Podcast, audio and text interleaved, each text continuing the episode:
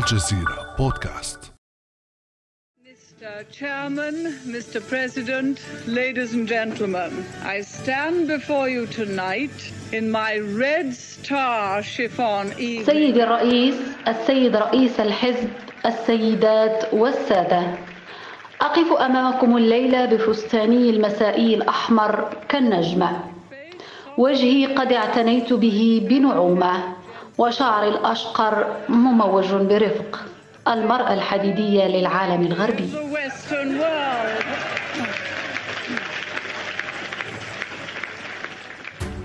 روح الدعابة في خطاب فوزها برئاسة حزب المحافظين لم تمنعها من تبني سياسة عدائية ضد الاتحاد السوفيتي في ثمانينيات القرن الماضي إنها مارغريت تاتشر أو المرأة الحديدية كما كانت تلقب رئيسة وزراء بريطانيا السابقة التي ظهرت عام 1986 على متن دبابة عسكرية في ألمانيا الغربية في رسالة واضحة يومها إلى موسكو. وبعد 35 عاما المشهد نفسه يتكرر في نوفمبر الماضي. وزيرة خارجية بريطانيا ليستراس تعتلي دبابة مرتدية لباسا عسكريا قبل انضمامها لاجتماع وزراء خارجية حلف الناتو لبحث التصعيد الحالي مع روسيا. فما جذور الصراع المستمر بين الناتو وروسيا؟ وما تجلياته وهل يمكن لهذا الصراع أن يتطور إلى مواجهة عسكرية وما فرص التهدئة بين حلف شمال الأطلسي وروسيا؟ بعد أمس من الجزيرة بودكاست أنا امال العريسي.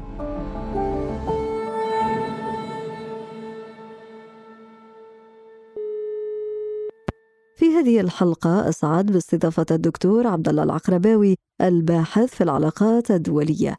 أهلا وسهلا بك دكتور عبد الله أهلا بك وبالمستمعين الكرام.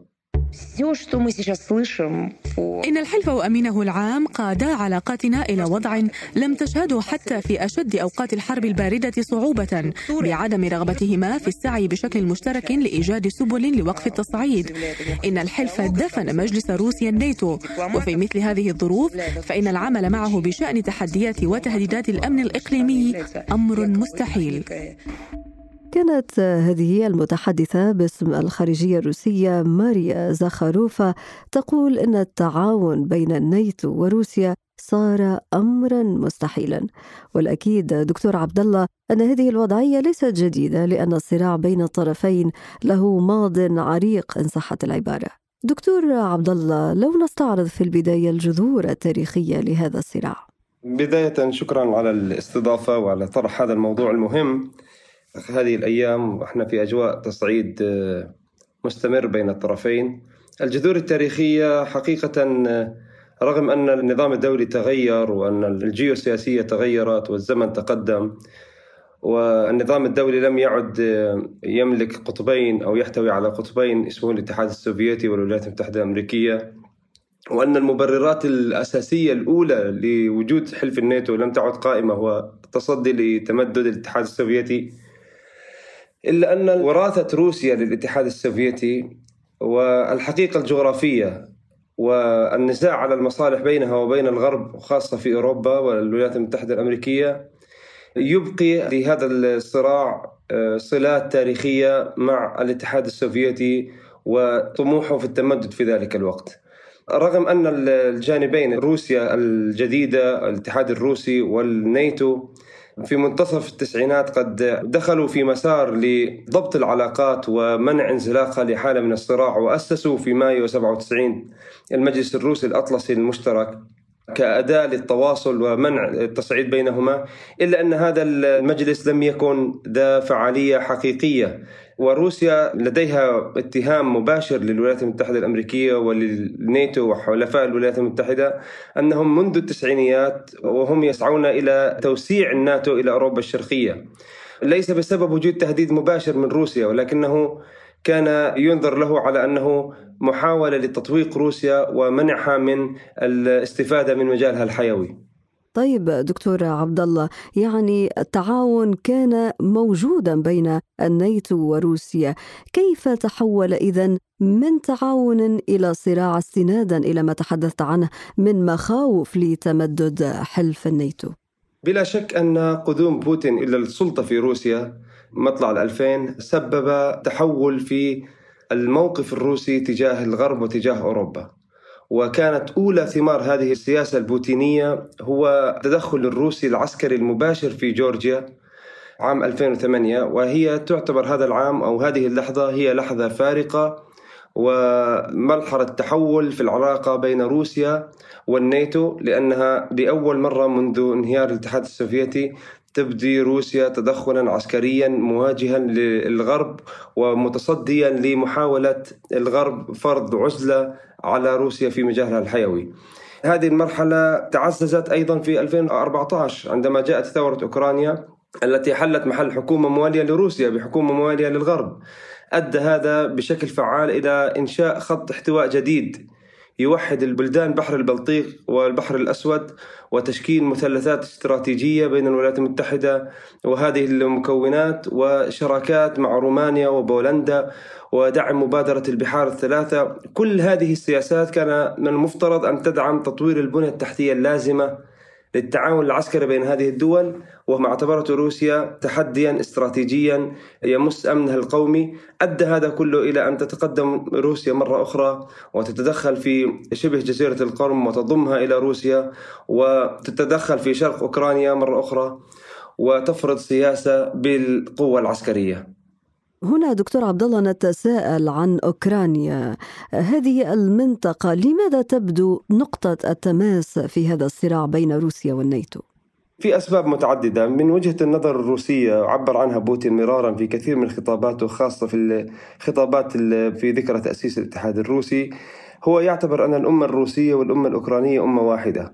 وأن روسيا تاريخيا هي جزء من الأمة القومية وأن أوكرانيا هي جزء من الأمة الروسية الكبرى.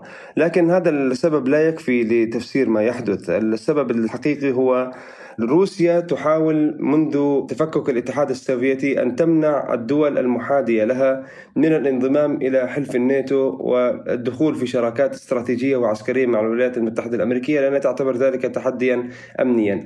أبرز هذه الدول وأقربها ومتداخلة جدا في الثقافة والسياسة والجغرافيا مع روسيا هي أوكرانيا. لذلك إرسال 90 ألف جندي على طول الحدود الروسية الأوكرانية هو يعني فعل عسكري يعتبر فعلا متقدما وقد يؤدي إلى فعل وشيك على الأرض من باب من قبيل الحرب أو ما شابه. في الوقت اللي إدارة بايدن تدق جرس الإنذار وتعمل بنشاط مع حلفائها الأوروبيين لردع روسيا وتهددها وتقول أن الدخول في أوكرانيا خط أحمر. لكن الروس يعتبروا أن هذا الذي يحدث الآن في أوكرانيا في هذه الأوقات أن هذه وقت مناسب وفرصة سانحة لأن الولايات المتحدة الأمريكية منشغلة بجائحة كورونا وبيئة سياسية مستقطبة داخليا.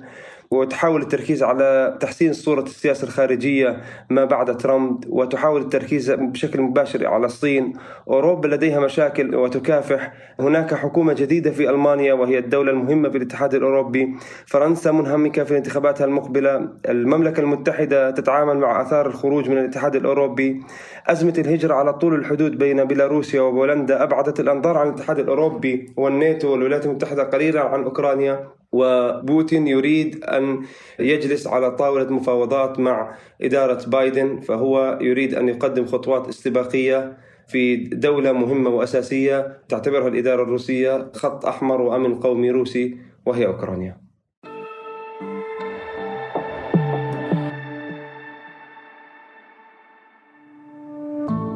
ابقى على تواصل مستمر مع الجزيرة بودكاست ولا تنسى تفعيل زر الاشتراك الموجود على تطبيقك لتصلك الحلقة يومياً.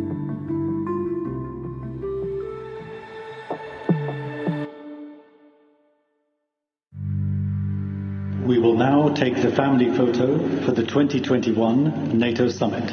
Ladies and gentlemen, please remove your masks and then look into the cameras for 15 seconds. Thank you. You may keep your masks off. Now please turn and watch the digital tower for a virtual journey to NATO 2030.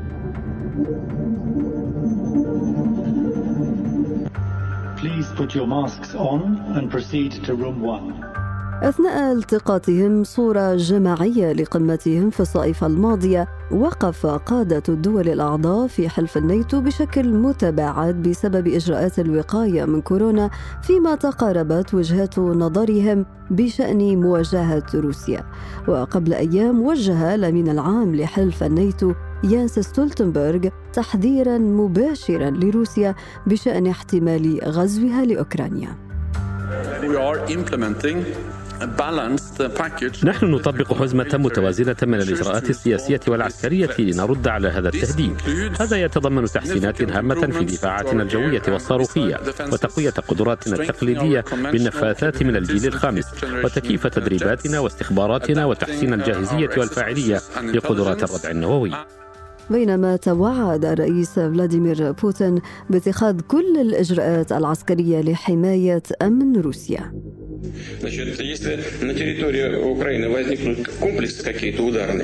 إذا ظهرت منظومات ضاربة على أراضي أوكرانيا يتراوح زمن وصولها إلى موسكو من سبع إلى عشر دقائق وفي حال نشر سلاح فرط صوتي يصل إلى موسكو في غضون خمس دقائق فماذا علينا أن نفعل؟ سيتعين علينا إنشاء شيء مماثل ضد أولئك الذين يهددوننا ونحن قادرون على فعل ذلك الآن وقمنا بتجربة ناجحة وسيكون لدينا اعتبارا من مطلع العام المقبل سلاح فرط صوتي جديد في القوات البحرية وهو صاروخ بسرعة قصوى تصل إلى تسعة ماخ وسيصل إلى من يصدر الأوامر في غضون خمس دقائق. هل يمكن برأيك دكتور عبد الله أن يتحول هذا الصراع إلى مواجهة عسكرية؟ هذا السؤال المطروح دائما حول المواجهات أو اندلاع حروب، ما دام هناك تسليح، ما دامت هناك جيوش، ما دام هناك حشود، ما دام هناك تنافس وسباق تسلح فالحرب خيار وارد، لكن لنرى مدى احتمالية حدوث ذلك في هذه المواجهة الحالية الواقعة الآن في أوكرانيا وفي البحر الأسود وفي هذه الحزام المحيط في روسيا. باعتقادي أن احتمال الحرب ما زال بعيدا. والسبب أن طرح مثل هذا الموضوع المواجهة العسكرية مع روسيا قد يسبب انشقاقات في الناتو نفسها. فهناك تباين في الموقف الأوروبي والأمريكي تجاه استخدام القوة في الحرب مع روسيا.